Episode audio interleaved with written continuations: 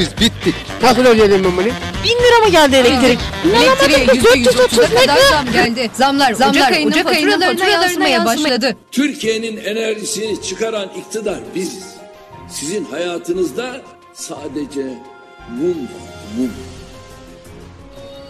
Bin lira. İlk zamlı faturaları alanlar şok geçirdi. Hani ne yapıyorsunuz da acaba bu kadar yüklü geliyor fatura? Esnafı elektrik çarptıktan sonra 702 lira. Bu ayınki de 22 milyar. E ben ne satacağım? Elektrik zamları bu şekilde devam ederse iki ay içinde hepimiz kapatıp gideceğiz buradan. Elektrik faturası geldi. Bu kadar gelmemesi lazım yani. Olmaz. Hayatımda bu kadar sıkıntı çektiğimi hatırlamıyorum. Esnafın başına dükkanları bela olmuş vaziyette. Bahçeli diyor ki elektrik devlet eliyle dağıtılmalı. Vatandaş zamlı tarifeyle gelen yeni yıl faturalarının şokunu üzerinden atamadı. Gider kalemleri içinde önceden fazla göze çarpmayan elektrik ücretleri artık kimileri için kiraya yaklaştı, kimileri de çareyi önündeki rakamları camlara, kapılara asmakta buldu. Şubat ayı faturalarını korkuyla bekleyenlerse şimdi soruyor, bizi kim çarptı? Devlet mi yoksa şirketler mi? Aslında her şey yaklaşık 10 yıl önce başladı. Zarar ediyor gerekçesiyle devlet elektriğin hem satışından hem de dağıtımından çıktı. 21 bölgeye ayrılan Türkiye'nin elektrik dağıtım ağı bir avuç saray müteahhidine ya da yandaş iş adamına ucuz ucuz satıldı. Bir dizi hazine garantisi verildi, merak etmeyin sistem elimizde bu batıklardan size kar ettireceğiz denildi. Kamu ihalesinin olmazsa olmazı beşli çeteye elektrik işinden aslan payı verildi. Sabancı, Zorlu gibi holdingler de işe katılarak elektrik dağıtım işi hızla el değiştirdi. Kim bilir belki de Enerji Bakanı iken yakın çalıştığı birileri de Berat Albayrak'ı boşuna metiye dizmedi. Sayın Bakanımızı Enerji Bakanlığından tanırız. Söylediğini yapan bir kişidir, gerçekleştirmiştir. Başarılı bir Enerji Bakanlığı yapmıştır. Dağıtım şirketlerinin yaptığı iş aslında oldukça basit. Devletin sağladığı imkanlarla devletin hatlarını kullanarak elektriği binalara taşımak, sonra da gidip sayaçları okumak. Tabii bunları yaparken de vatandaştan yüksek meblağlar tahsil etmek. Şimdi hesaba yakından bakalım. Dağıtım şirketleri elektriği hem devletten hem de spot piyasadan satın alarak sizlere satıyor. Devletten kilovatı 32 kuruş, spot piyasadan da ortalama 1 lira 20 kuruşa alınan 1 kilovat elektriğin maliyeti 79 kuruşa denk geliyor. Yani elektrik dağıtımı bugün devlette olsa bir de vergi alınmasa vatandaşa kilovatı 79 kuruştan satılacaktı. Ayda 100 kilowatt saatlik elektrik tüketimi olan bir ailemiz olsun. Bu aile bu durumda sadece 79 lira fatura ödeyecekti. İşin özü şirketler bugün aradan çıkarılsa 100 kilowatt için ödenecek miktar 79 liraydı. 79 liranın üzerine şimdi eklemeye başlayalım. Şirketler öncelikle dağıtım bedeli adı altında 2016'dan beri kimsenin içeriğini bilmediği bir para alıyor. Bu miktarda kilowatt başı 33 kuruşa denk geliyor. Ayda 100 kW tüketimi olan ailemizden devam edelim. Ailemizin 79 liralık elektrik tüketiminin üzerine şimdi de 33 lira dağıtım bedeli eklendi. Faturamız artık 112 lira. Bu ücrete kilowatt saat başı alınan 4 kuruşluk belediye vergisini koyalım. Yeni faturamız 116 liraya çıktı. Şimdi sırada hükümet var. Ankara'da bu fiyata %18'lik katma değer vergisi işletiyor. Bunun fiyatı da kilowatt saatte 21 kuruşa denk geliyor. Şimdi 100 kilowatt saatlik basit elektrik faturamız tamamlandı. Özetle 79 liralık elektrik harcayan bir aile ekstradan 58 lira devlete ve yandaş dağıtım şirketlerine para ödüyor. Bu aile ayda 210 kilowatt saatten fazla enerji harcarsa az önceki hesap bu kez %125 ile çarpılmaya başlıyor. Gerçekçi olursak elektrikte 200 kWh saati geçmemekte ekstra maharet istiyor. Çamaşır makinesi için 30, bulaşık makinesi için 36, buzdolabı için yine 36, televizyon için yine 12 saat izliyorsanız bunu indirmek veya e, yukarı çıkarmak sizin elinizde. Yine 36 kW.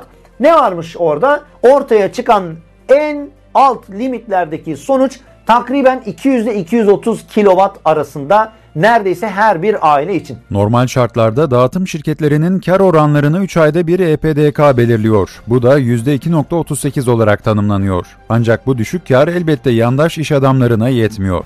Onlar kilowatt saat başı aldıkları 33 kuruşluk dağıtım bedeliyle bir anlamda vurgun yapıyorlar. Bu parayla yapmaları gereken bakım, onarım ve yatırımı savsaklıyor, enerji hatlarını yer altına alması gerekirken elini bile sürmüyor. Isparta'ya 3 gün elektrik verilememesinde Cengiz Holding'in büyük sorumluluğu bulunuyor. Daha kötüsü bunun hesabı da sorulmuyor. Devletin kurduğu altyapıyı, şebekeyi 30 santimlik kar yağdığında bile ayakta tutamayacak kadar o şebekenin yenilenmesini ihmal eden işte Antalya, Akdeniz bölgesi dağıtım ihalesini Antalya, Burdur ve Isparta şehirlerini Cengiz İnşaat, Cengiz Holding almıştı. Cengiz'den Lima'a, Sabancı'dan e, Alarko'ya, Kiler'den Exim Holding'e kadar hükümete yakın holdinglerin aldığı 2010 yıldan itibaren aldığı bu elektrik dağıtım bölgelerinde aslında durum zannettiğimizden çok daha vahim. Bugün Isparta'da oldu, yarın başka şehirlerde de olacak. Peki hükümet EPDK eliyle kilowatt saat başı çıplak elektrik maliyetine %50'lik fahiş bir zammı neden yaptı? Yani Aralık ayında 91 kuruş olan 1 kilowatt saat elektriğin fiyatının 1 lira 37 kuruşa çıkmasına müsaade etti. Bunun cevabı da vatandaşın parasıyla yandaş kurtarma operasyonunda gizli.